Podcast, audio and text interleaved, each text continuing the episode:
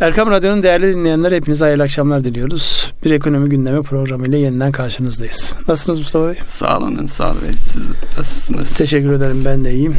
Nereden başlamak istersiniz? Ee, Sene sonu geliyor. Bilançolar bağlanıyor. Artık herkes e, nasıl kapatacağız? Nasıl kapatacağız? Asgari ücrete ne olacak? Kaçıncı toplantı ne olacak? olacak? Enflasyon tahminleri ne oldu? Ne olacak? Seçim öncesi sonrası ne olacak? Çok fazla sorular var. Sabahleyin bir toplantıya katılmıştım dijital üzerinden. Orada sordular 2023 yıl sonu enflasyon beklentiniz ne? Ben 40 civarında bir şey demiştim. Sonra Merkez Bankası bugün yayınladı.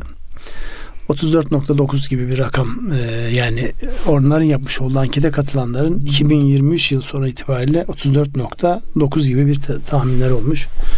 Dolayısıyla buradan baktığımızda önümüzdeki yıl enflasyonun işte nerede olacağı ile alakalı beklentiler bu civarda. Bir taraftan da asgari ücret görüşmeleri var. Evet. İnsanlar e, asgari ücrete göre asgari ücrette çalışmayanlar dahi o oranı duymak istiyorlar. Ona göre şekillenecekler. Siz en önemli gündem maddesi olarak hangisini ele alırdınız?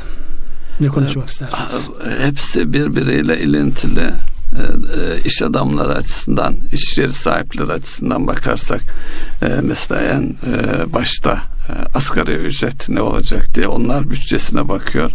Çalışan işçi kardeşlerimiz de baktı şey birinci derecede ay sonu nasıl getireceğim, nasıl geçineceğim. Dolayısıyla asgari ücret gerçekten e, çok önemli bir konu. E, yılbaşından önce de açıklanacak inşallah. E, umarız herkese tatmin eden bir sonuç çıkar. Çünkü yüksek asgari ücret açıklanırsa işsizliğin artması yani işverenlerin o ücretleri karşılayamayacağı gibi bir şey çıkarsa ki bu sektöre göre firmalara göre de değişecek ama genel toplama baktığımız zaman e, sürdürülebilir bir asgari ücret açıklanması doğru olur. Geçen yıl iki kez açıklandı biliyorsunuz.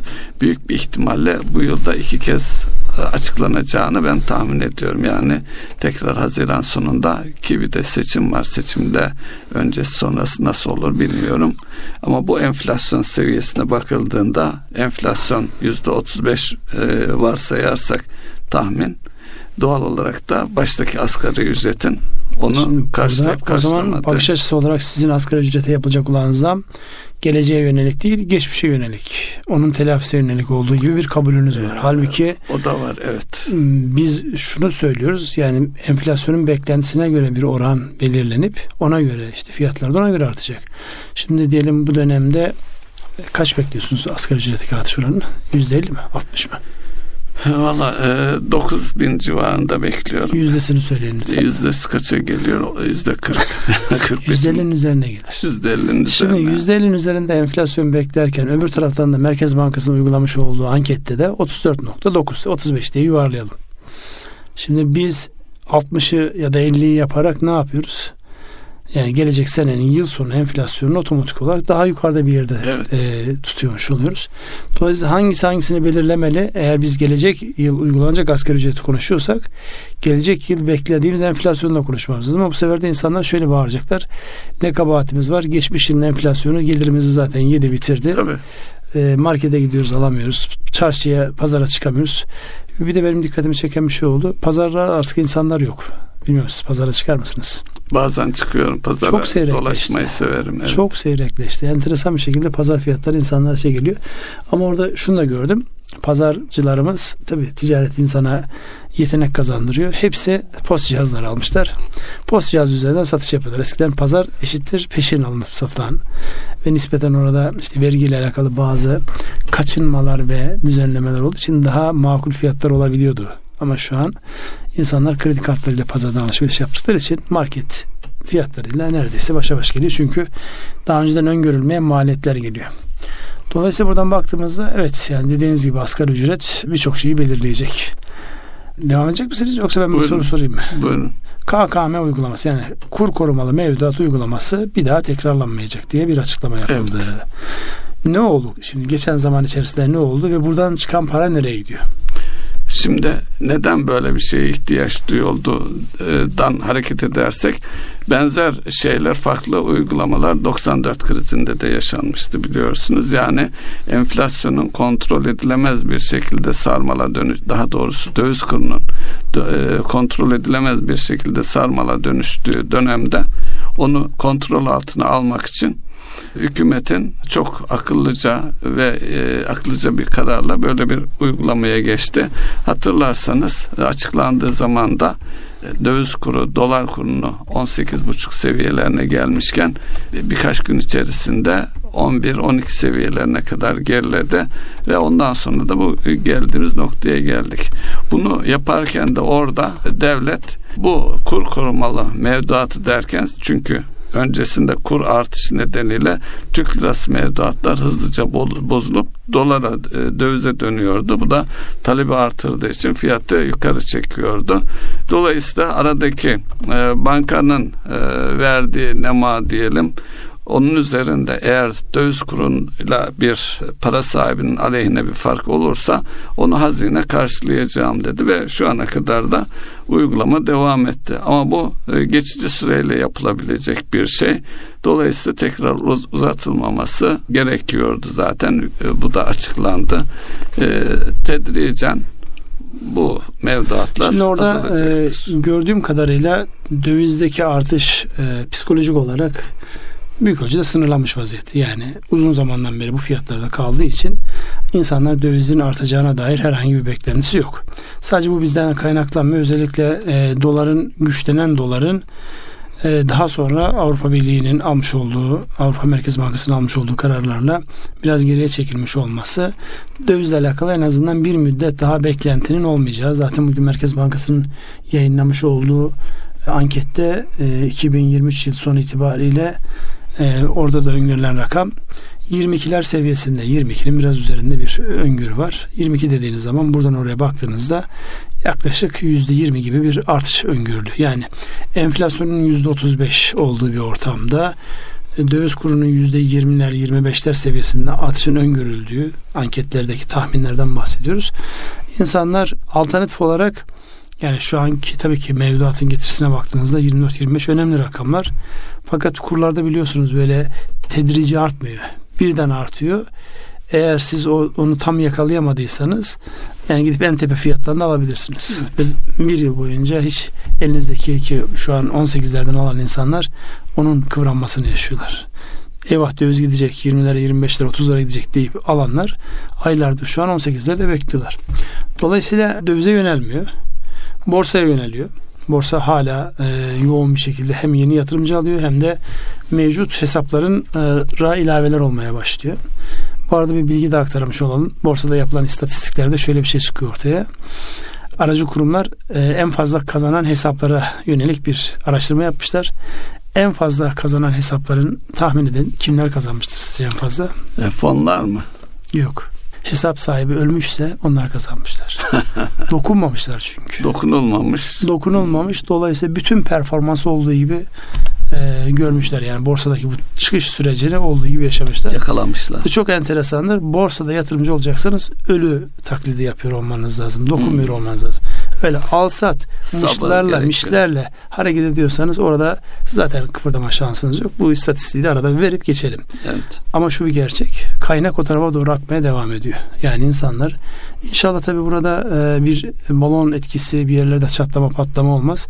Fakat öbür taraftan da bakıyoruz borsaya e, özellikle bizim bu bireysel emekli fonları benzer fonlardan gelen kaynaklarla e, borsa e, bu şeyini devam ettirecek gibi duruyor. Yani artış trendini değil ama en azından pozisyonu mevcut etme noktasında bir görüntü arz ediyor. Zaten şu an hisse bazlı hareketlere geçildi. Bundan sonra toplu hücum, toplu savunma olmaz. Muhtemelen hisse bazlı hücum, hisse bazlı savunma olur. Peki e, burada e, borsaya yeni şirketlerin dahil olması e, oluşacak balonu engellemez mi belli ölçülerde?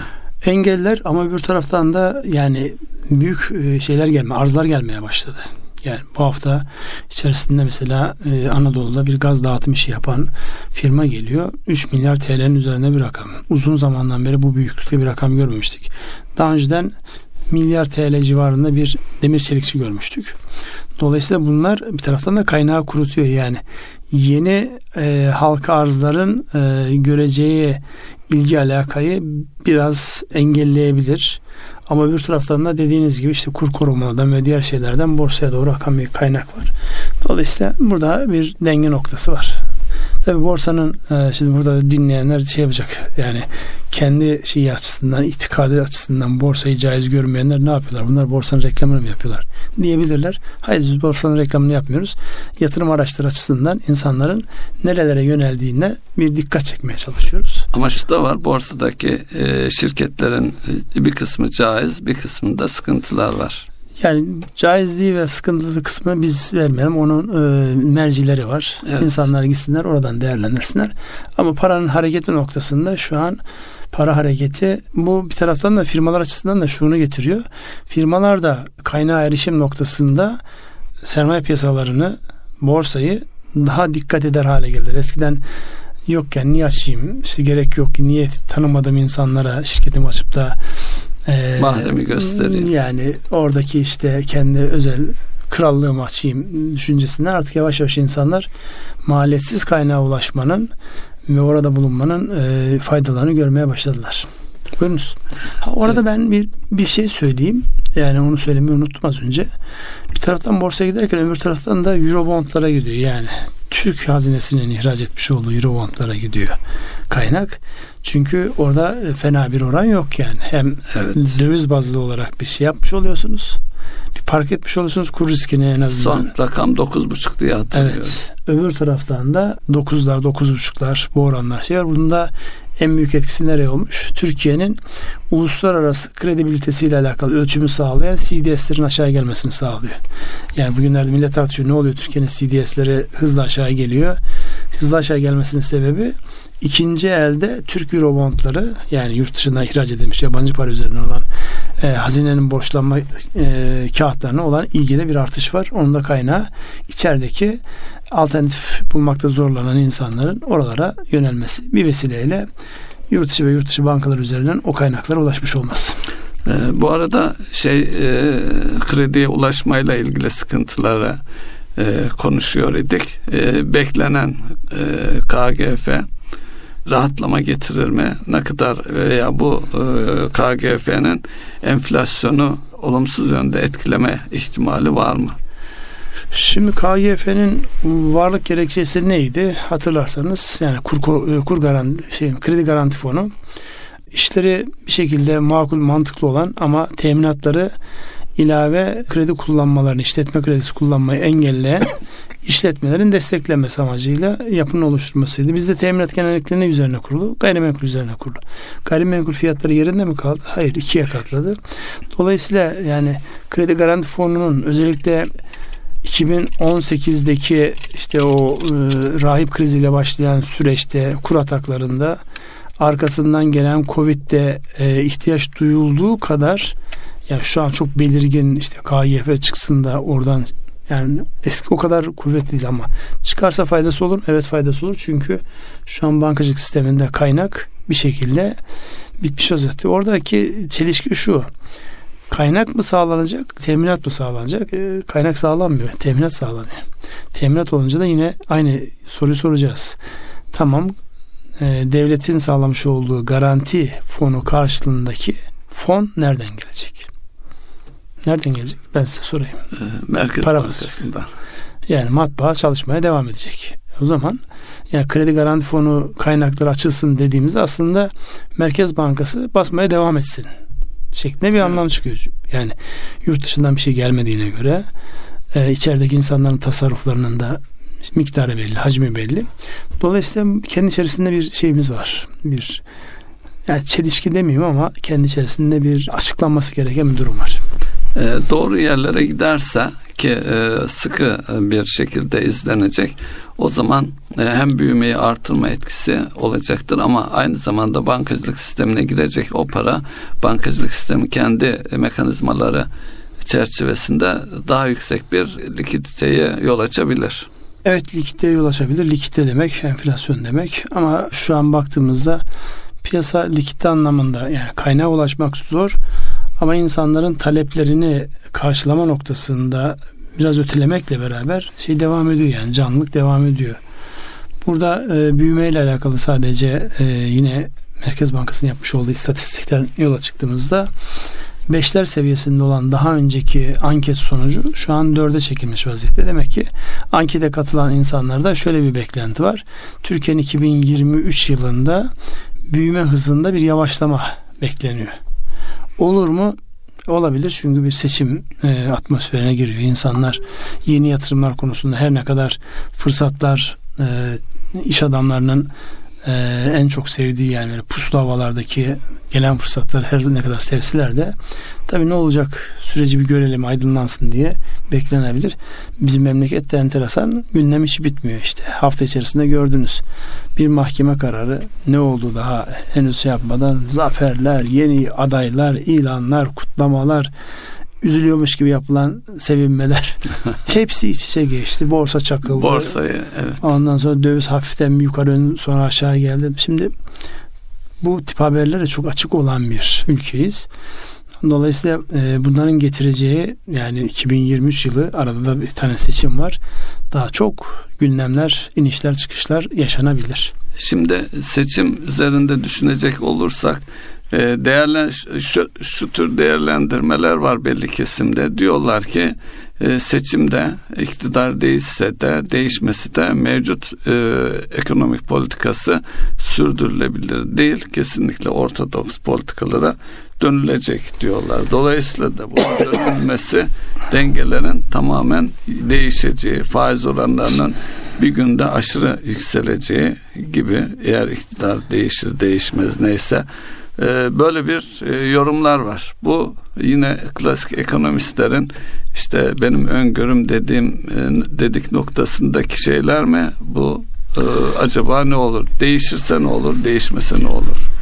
Şimdi değişip değişmemesi bizi çok fazla ilgilendirmez ama şu evet. bir realite. Ekonomiye e, nasıl Ekonomiye yansıması açısından baktığımızda şunu söyleyebiliriz. Şu an e, dünyada özellikle finans sektörü neyi tartışıyor?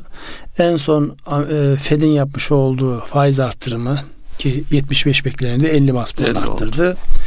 Ondan sonraki açıklamalarda 2023'ün belli bir döneminde faiz arttırımı aynı hızla devam etmez açıklamasını yaptı. Yani şu ne demek? Yolun sonuna geliyoruz. Faiz arttırıyoruz ama iş e, enflasyonda falan öyle belirgin geriye çekilme yok. Çünkü dünyada e, dün bir arkadaşımız İngiltere'de şeyi bahsetti. Yani bir saat havalandan çıkamadık. E, üç gün valizimiz kayıp. Yer hizmetleri çökmüş. insanlar işte hemşireler dün haberler vardı hatırlarsanız. Hemşireler e, greve gitmişler. Greve gitmiş, işte evet. havalanda çalışanlar greve gitmişler. Niye? Herkesin ortak gerekçesi bu kazanç bizim e, yaşam kalitemizi e, muhafaza etmiyor, aşağı çekiyor. Dünyanın her yerinde konuşulan bir mevzu. O zaman şu soru gündeme geliyor. Madem faiz arttırmak enflasyonu düşüren bir süreçti. Ortodoksun en böyle evet. dip noktasıdır. Düşmüyor. Ve insanlar giderek de mutsuz hale geliyorlar. Hatta şunu e, demeye başladı. Yani merkez bankalarının faiz arttırımları bitecek. Bir müddet sonra tekrar ekonomiyi canlandırma, yani artık faiz artırarak enflasyonla mücadelenin olmadığı başka gerekçelere bakılmasıyla alakalı yeni paradigmaların üretilmesi gerekir diye bir bakış açısı var. Şu an en çok tartışılan konulardan bir tanesi. Onun için ortodoksa döner mi dönmez mi bu çok anlamlı bir şey değil. Şu saatten sonra Türkiye'nin bu kadar sıkıntıyı çektikten sonra yani bir tavır sergiledik. Dedik ki biz para politikasının en önemli aracı olan faizi arttırmayacağız. Tam tersine aşağı getireceğiz. Bunun karşılığında da bir bedel ödediniz. Şimdi siz bu kadar bedel ödedikten sonra a arttıralım dediğinizde ödeyeceğiniz bedel şu ana kadar ödediğinizden çok daha yüksek olur. Onun için Türkiye'nin bu anlamda bir duruş sergileyip dünyadaki farklı gelişmeleri özellikle bu faizin arttırılmasının artık böyle devam etmeyeceği algısının yani e, hani bizi doğru çıkardı şeklinde demek ister tabii siyasiler. Ee, bundan da şey, çok sevinirler. Ekonomi yani ekonomistler derken yani şu an iktidarın e, destekleyenler faizlerin düşmeye başlamasından bak dediğimiz yere geldiler diye sevinir. Muhalif olanlar da yani eğer bu düzende bir değişiklik olmazsa bak işte ortodoks politikalar uygulansaydı bunlar olmazdı diye. Yani herkes haklı çıkmaya çalışıyor. Bizim öyle bir derdimiz olmasın. Evet. Bizim tek bir derdimiz olsun. Yani değişen şartlara ülkenin, ülke insanlarının ekonomik anlamda adapte olabilme becerilerinin bir şekilde artması gerekiyor. Şimdi e, Avrupa'da gazla ilgili sıkıntılar var. Hepimiz biliyoruz. E, Putin'in bir açıklaması oldu. E, Türk e, bir kere Türkiye'de elektronik ticaret yoluyla bir gaz merkezi haline getirmesi bunun da birkaç ay içerisinde olabileceğine ilişkin açıklama. Bir taraftan da Avrupa'ya olan özellikle e, Ukrayna Savaşı'ndan sonra e, Batı'nın Rusya uyguladığı e, müeyyidelere, e, yaptırımlara rağmen e, bizim Avrupa'ya olan ihracatımız arttı. Ancak onların bize olan ithalatı azaldı. Dolayısıyla fazla verir bir durumdayız dedi. Yani Avrupa'nın kendi kendini cezalandırdığını e, aslında söylüyor. E, bu arada yine gaz üzerinden bakarsak Avrupa Birliği gaz fiyatlarını belli bir seviyede tutabilmek için tavan fiyat uygulamasını tartışıyor. Tabi Avrupa öteden beri serbest bir pazar olduğu için eğer böyle bir karar alındığı takdirde bunun piyasasının Avrupa dışına taşınacağına ilişkin e, bir e, şey de var, ifade de var. Hatta bu gaz e, ticaretin merkezinin Hollanda olduğunu anlıyoruz. Şimdi bunlar gerçekleşirse Türkiye'de de gerçekten bir gaz merkezi olma adımları atılırsa ki Cumhurbaşkanı Türkmen gazının da getirilmesiyle ilgili açıklamaları vardı. Bir an evvel çalışmaya başlamalıyız diye. Dolayısıyla bu Türkiye'nin gaz merkezi olması konusunda gerçekten bir fırsata dönüşür mü? Şu anki yapılan çalışmalar Silivri'de ve Tuz Gölü'ndeki depolama kapasitesinin genişletiliyor olması yani bizim bilmediğimiz ama e, elinde daha geniş verilerin bulunduğu devlet aklının yani durup dururken Silivri'ye ya da Tuz Gölü'ndeki depolama alanlarını genişletmezler. Belli ki orada da belli görüşmeler var. Orada birkaç tane şey var. Bir tanesi yani stratejik anlamda hatırlarsanız bir dönemde şunu tartışıyorduk.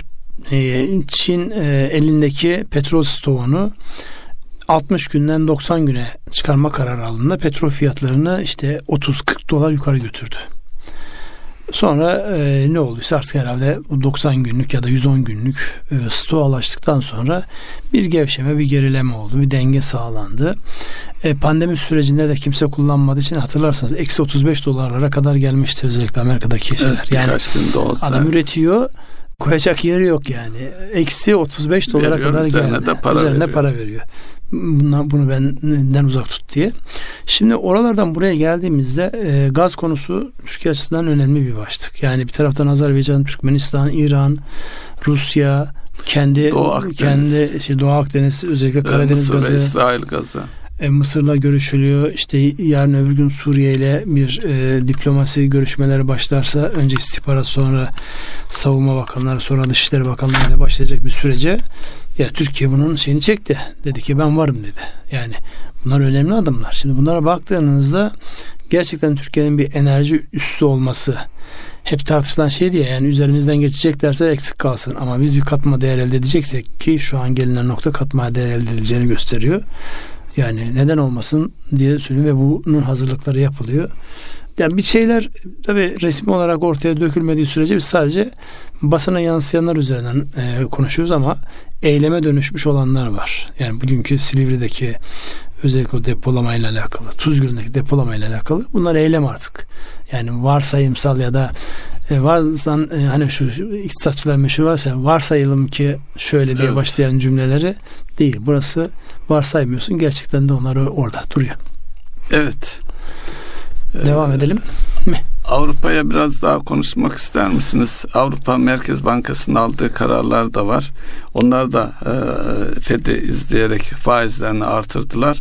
Orada da enflasyonla mücadele söz konusu. Ancak para politikası ve destekleyen e, politikalar noktasında e, farklı çok sayıda ülkenin olması ve ülke çıkarlarında birbiriyle farklı olması orada işleri zorlaştırıyor. Bizim de en büyük pazarımız olduğu için e, oradaki hareketler e, bizim ülkedeki özellikle ihracata dayalı sektörleri e, olumlu ya da olumsuz etkileyebiliyor. Şimdi Avrupa, en son buyurun. tekstilden bahsetmiştiniz. Program öncesi Ünsal Bey? Ya, tekstilde işte işten çıkarmalar başladı şeklinde haberler epeyden beri var yani daha önce de Kahramanmaraş'tı sonra Gaziantep başka şeyler var ama bir taraftan da Batman'da da yani 42 bin tane özellikle konfeksiyonda dünyanın dört bir yanına markalara e, üretim yapan konfeksiyon atölyeleri ya da fabrikalar var artık atölye demek onlara hakaret olur. Şimdi buradan baktığımız özellikle Avrupa'nın e, yani kafa karışıklığı bütün hızıyla devam ediyor. Bir taraftan Rusya'ya karşı geliştirdikleri ambargonun ödettiği bedeller var. Ee, işte duş alırken daha az suyla duş alın. İşte e, ısınırken şunu şöyle yapın tedbirlerin yanı sıra.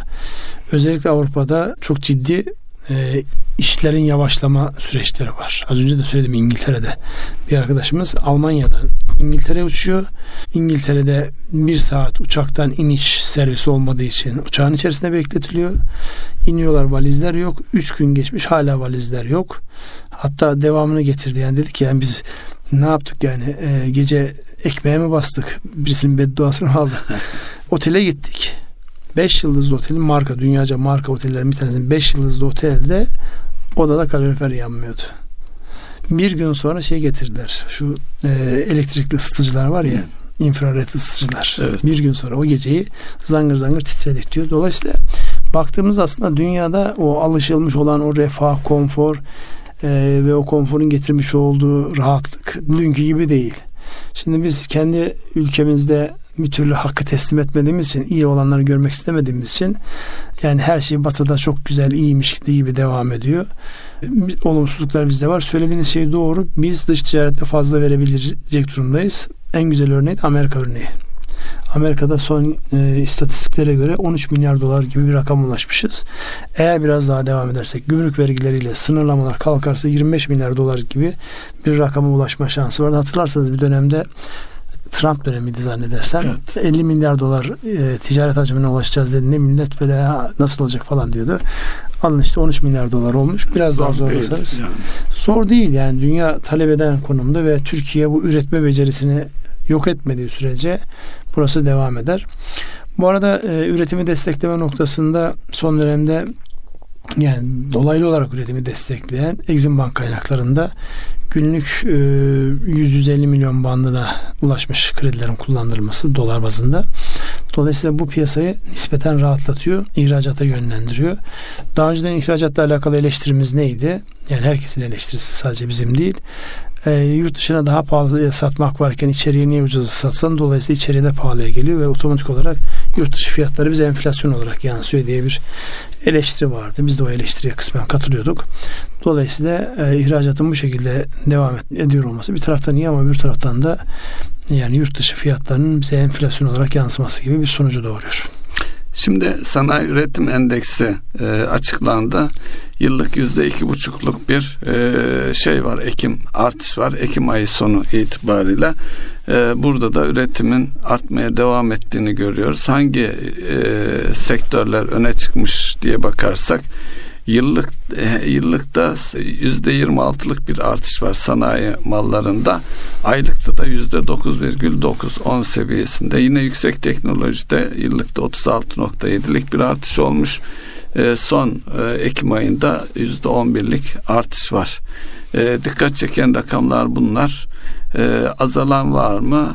çok kayda değer bir oran görmüyorum ama altını çizeceğimiz rakamlar bir bunlar bir de e, madencilikte e, yıllık yüzde yedi virgül dörtlük bir azalma olmuş ancak son ay yüzde yedi virgül sekizlik bir artışa tekabül ediyor.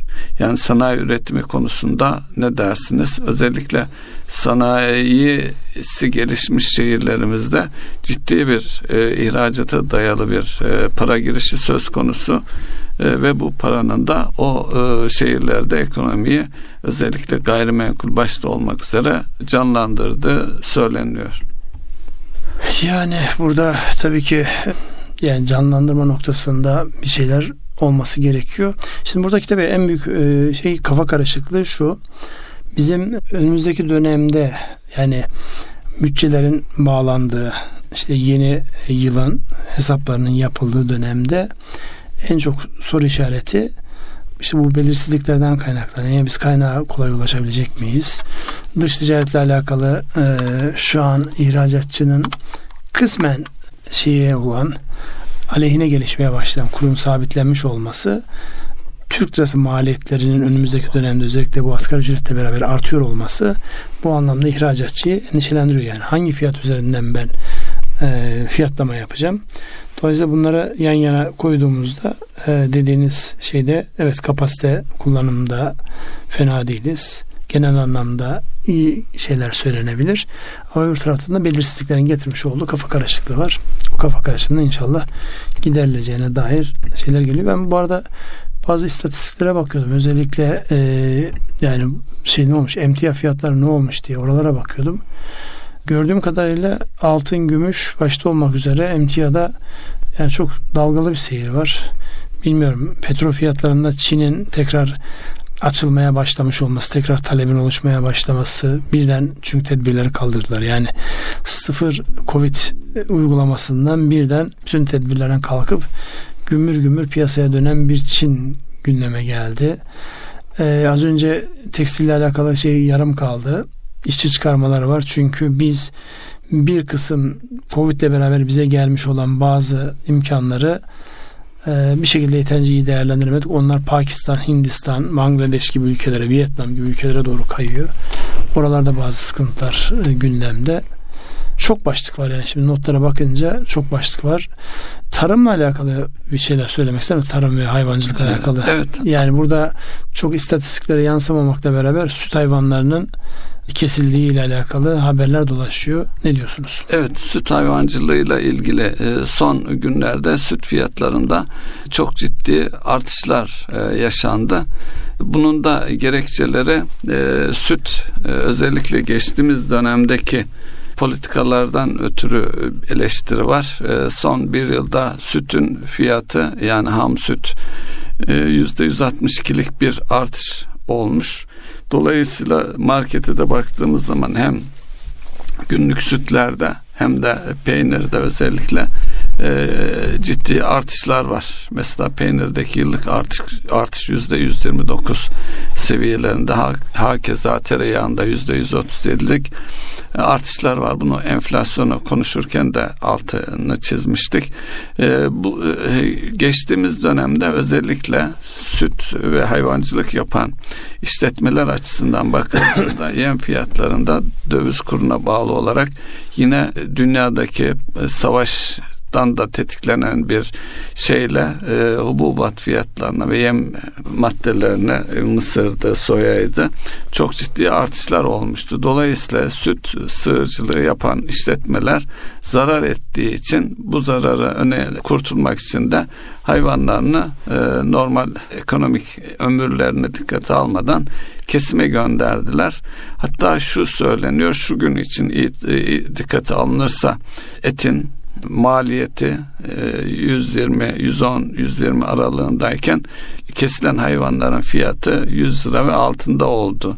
Dolayısıyla beslemekten zarar ettikleri için bir an evvel kesime gönderdikleri gerçeğiyle karşı karşıyayız. Bir taraftan da bu e, geldiğimiz noktada bu durumun et fiyatlarını kontrol altında e, tuttuğu yani maliyetin altında bir et satışının olduğu söyleniyor. Ancak e, süt hayvanlarının kesiliyor olması yavru e, şeyini ortadan kaldırdığı için önümüzdeki e, dönemde de özellikle Haziran, Temmuz gibi aylarda da e, ülkede ciddi bir e, et hayvanı sıkıntı çekileceği ve et fiyatlarının da yükseleceği öngörüsü var.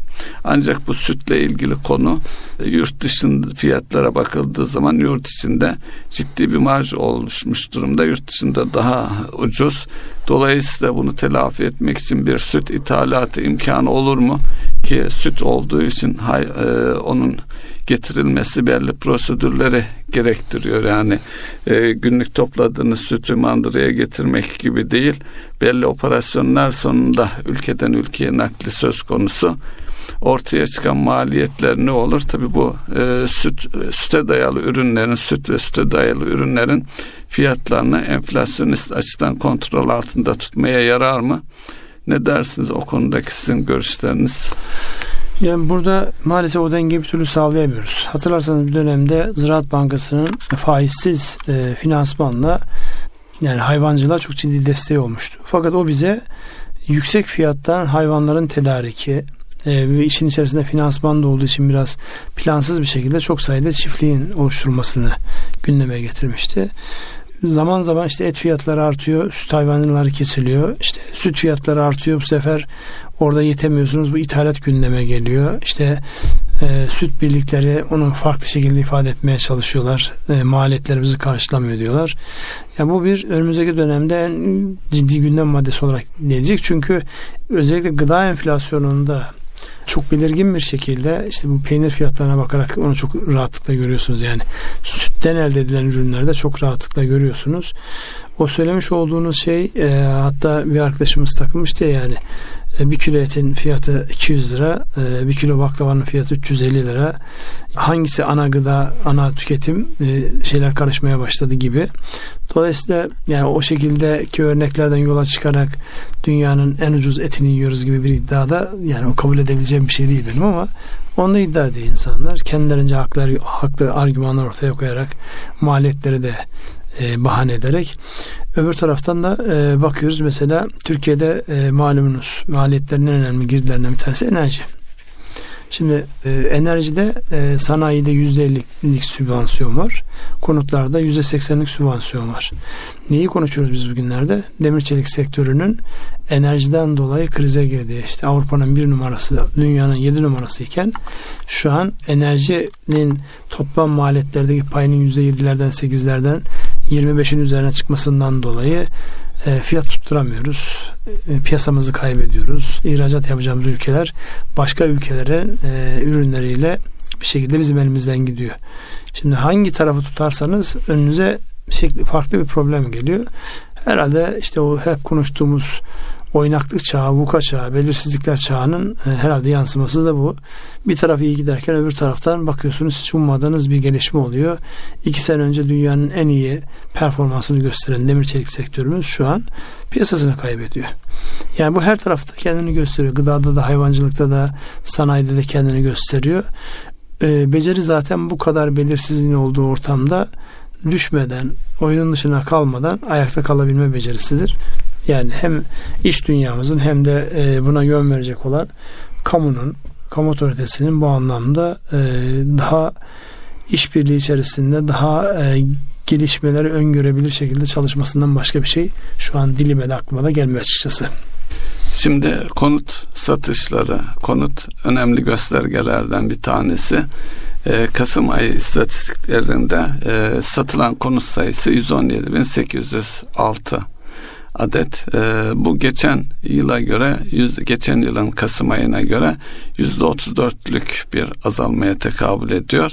Ancak geçen ayla kıyasladığımız zaman geçen ay 102.660'tı. Geçen aya göre de artış söz konusu. Yine alt detaylara baktığımızda ipotekli yani e, banka finansmanıyla satılan konutlarda yüzde 58'lik bir azalma var neredeyse. Diğer satışlarda da yüzde 27,5. Yine e, satış durumu açısından e, ilk el konutlarda yüzde 32'lik bir azalma var. 37.380 adet e, geçen yıl daha 55.000 seviyelerinde. İkinci ilk el satışlar özellikle konut üretimi e, istenen seviyede olmadığını söylüyorduk. Bu eldeki e, portföyün hızla eridiğini gösteriyor. İkinci el satışlarda yani konutlarda el değiştiren konut sayısı da 80 bin seviyelerinde. Tabi burada yabancı satışları her e, istatistikte altı çiziliyor. Yine yabancı satışlarına baktığımız zaman e, orada 2575 konut satılmış. Bunun e, yarısının e, sadece Rusya Federasyonu'na satıldığını söyleyebiliriz. Öyle görünüyor. Bunun e, yüzde yirmisi kadar yani 510 adet ikinci sıradaki ülke İran, Irak ve Ukrayna diye azalarak devam ediyor. Ama Yemen, Kanada dahil birçok ülkede e, gelip Türkiye'den e, konut edindirme e, ihtiyacı var. Tabi bunların ne kadarı vatandaşlık sağlamaya yönelik ne kadarı bu ülkede yaşamayı hedefleyen kişilerden oluşuyor. O da ayrı bir konu. Bir de özellikle Ruslar çok dikkat çekici istatistiğe yansımayan henüz tapu satışı oluşmamış ciddi sayıda da e, konut söz konusu. Bunlar zaman içerisinde istatistiklere yansıyor gecikmeli olarak. Onu da vurgulamamızda yarar var. Şimdi konut sektöründeki bu gelişmeler çerçevesinde e, ne bekliyor yani ülkeyi konutlarla ilgili? E, bir taraftan konut ihtiyacı var. E, konut gayrimenkul için inşaat maliyetlerinde ciddi artışlar var. E, nasıl değerlendirmek lazım Ünsal? Şimdi buradaki rakamlar üzerinden gittiğimizde Eylül ayı itibariyle konutun yıllık artış oranı yüzde 189. Ekim'de yüzde 180 bir puanlık bir geri çekilme var. Yani konut artış hızı bir buçuk yıllık zaman içerisinde ilk kez yani bir puan da olsa bir geriye çekilme var. Şimdi öbür taraftan bunun sebebi ne? Maliyetlerdeki herkes maliyetlerin işte bazı ürünlerde 1'e 3, 1'e 4 arttığından bahsediyor. İşte en önemli ürün işte demir çelik sektörünün ürettiği işte inşaat demiri. Öbür taraftan çimento sektörünün buradaki temel girdilerden bir tanesi enerji. Enerjideki o üçe katlayan, ikiye katlayan fiyatların yansıması olarak e, girdilerdeki artışlar konutları da buraya getiriyor. Ama bir taraftan da baktığımızda başta e, özellikle düşük gelirlere ya da ilk konutlarını alacaklara yönelik işte TOKİ'nin başlatmış olduğu kampanyalar var. Onun haricinde kentsel dönüşüm çerçevesinde devam eden üretimler var. Yeni projeler, yeni e, projelere yönelik gelişmeler var ve e, halka açık olan şirketlerden bildiğimiz kadarıyla gayrimenkul geliştirme sektöründe olan firmaların habire yeni projeler geliştirme arzuları, istekleri, duyuruları var. Buna rağmen fiyatların aşağı gelmiyor olması ya da fiyatların en azından yani işte bir aylık zaman içerisinde Eylül'den Ekim'e sadece bir puanlık geriye çekilmiş ve biz bunu bir buçuk yılda ilk defa gördüğümüz için seviniyoruz. Şimdi buradaki talep azalması olacak önümüzdeki dönemi gündeme o gelecek. Yani şu an en alakasız İstanbul için söylüyorum en alakasız semtteki en alakasız yer 2 milyon lira 3 milyon lira fiyattan satılıyor. İnsanların gelirleri belli hangi gelirle bu işte bu gelirden siz geçiminizi sağlayacaksınız, çocuğunuzu okutacaksınız vesaire vesaire. Sonra konut alacaksınız. Bankacılık sistemi devreye tekrar girmediği sürece ya da toplu konutun, emlak konut gibi kamu bağlantılı yapıların desteği olmadığı sürece burada çok ciddi bir yani insanların konut edinme talebini karşılayacak bir gelişme olmaz. Çünkü bankacılık sistemi şu an devre dışı. Onun için e, üretmeye devam ederiz biz konutu. Bir şekilde satılmaya da devam eder. Çünkü buradaki en önemli şeylerden bir tanesi özellikle gelir dağılımındaki ciddi e, açılma. Yani en alttakilerle en üstteki arasında eskiden orta direk diye tabir edilen şeyin şu an aşağıya bir kısmında yukarıya doğru kaymış olmasından dolayı e, üretme devam eder, satışlar devam eder. Fakat geniş kitlelerin daha önce ulaştığı kadar rahat ulaşımda bir müddet daha bir sıkıntı yaşarız. E, satın alma gücü açısından yani konutta özellikle konut alıcılarının e, banka kredisiyle aldıkları takdirde ipotekli olarak aylık taksitleri ödeme gücü belirleyici. Burada da daha önceki e, süreçte konut fiyatlarının belli bir seviyede olduğu dönemde oradaki oran yüzde birinin altına gelmesi halinde ancak alınabiliyordu. Şimdi e, oranlar yüzde birin altına gelse bile e, konut fiyatları nedeniyle aylık taksit ödeme gücü çok yükselmiş durumda. Dolayısıyla bu biraz zaman alacak görünüyor. Yani gelirlerdeki satın alma gücünün belli bir seviyeye daha önceki seviyelere gelmesi e, halinde ancak olabilir. Yine bu şeye baktığımız zaman yani geçen hafta gayri safi hasıladan ücretlilerin aldığı payı e, konuşmuştuk. Orada 26.3'lük bir e, pay vardı ki bu daha önce mesela 2016'da %35'lik seviyelere gelmiş. 2020'de yüzde 30 e, seviyelerinde. Dolayısıyla buradaki gelişmelere bağlı görünüyor biraz da. Evet. Yani burada e, ilave söyleyecek çok fazla bir şey yok açıkçası. Yani e, bir sürü gelişme yani lehe olanlar var ama satın alma gücünün dediğiniz gibi aşağı gelişler olduğu için orada net bir şekilde şu dönemde geri dönüş sağlanır ifadesini açıkçası ben de e, yani siz söylerken düşündüm bir taraftan ne olabilir diye çok fazla bir şey söylenemiyor. Burada bir şey var. Siz genellikle istatistikleri siz söylüyorsunuz. Onu da söyleyelim. Yavaş yavaş programın da sonuna geliyoruz. Tüketici güven endeksinde Aralık ayındaki bir artıştan bahsediliyor. Bloomberg HT'nin tüketici güven endeksi de e, bir önceki ay e, aya göre 5.06 artarak 65.91 gibi bir seviyeye ulaştığından bahsediyor. Bunun e, piyasalara yansıması ne olur? İnsanlar tüke, yani güveni artmış tüketiciler nereye yansır? Yani e, bu e, şimdi büyümeye ve şeye e, yansır. Büyümeye yansır özellikle. Merkez Bankası istati anket şeylerinde eğer yıl sonunda yüzde 22 22 lira seviyelerinde bir dolar yüzde 34 35 seviyelerinde bir enflasyon öngörülüyorsa bu durum e, gelirlerde de ki mesela e, asgari ücret konuştuk. Doğal olarak asgari ücreti rengi alarak tüm ücretlerde bir artış olacak. Dolayısıyla bu e, artış yine doların e, döviz Türk lirasının değerli olduğu durumlarda klasik olarak bizim ithalatımız özellikle de tükeme, tüketime hevesliyiz. Tüketime yönelik ithalatımızın artma riski var e, Buradaki gelirin beklentisi biliyorsunuz tüketici güven endeksinde gelecekte geliriniz artacağına dönük beklenti sorusu da var orada. Evet.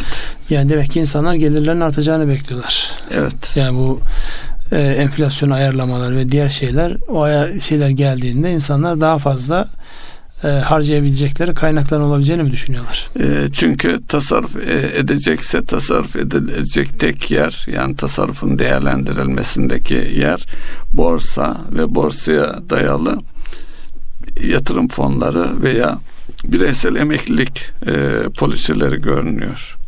İyi yönetildiği takdirde. Dolayısıyla insanlar harcama e, eğilimine girebilirler e, hele hele enflasyonist dönemlerde eğer para elindeki parayı değerlendirecek bir şey yoksa bugün almasam yarın alamam. Yarın alamam. Yarın daha pahalıya alırım. Bugünden alayım e, düşüncesi egemen olabilir. Bu da enflasyonu e, besleyecek artı artım artış yönünde besleyecek unsurlardan bir tanesi. Evet. Programın sonuna geldik söylemek isteyip de boşlukta kalan herhangi bir ifade var mı? Ben tekrar şöyle notlarıma bakıyorum. Yani notlar var ama açarsak tekrar sonunu getiremeyeceğimiz için oraya tekrar girmenin anlamı yok. Sadece işte bankacılık sektörünün kredi hacminde bir artış var. O notu ben niye almışsam onu belirtelim. Dolayısıyla e, uluslararası arenada artık ülke bazlı e, büyüme değil de stabil kalmak, küçük kalmak gibi şeyler olabilir diye bir not almışım. Onu da daha sonra detaylandırabiliriz inşallah. Bitirelim isterseniz. Buyurun. Erkam Radyo'nun değerli dinleyenleri bir ekonomi gündem programının daha sonuna geldik. Dilimizin döndüğünce haftalık gelişmeleri anlatmaya çalıştık. Hepinize hayırlı akşamlar diliyoruz. Hayırlı akşamlar.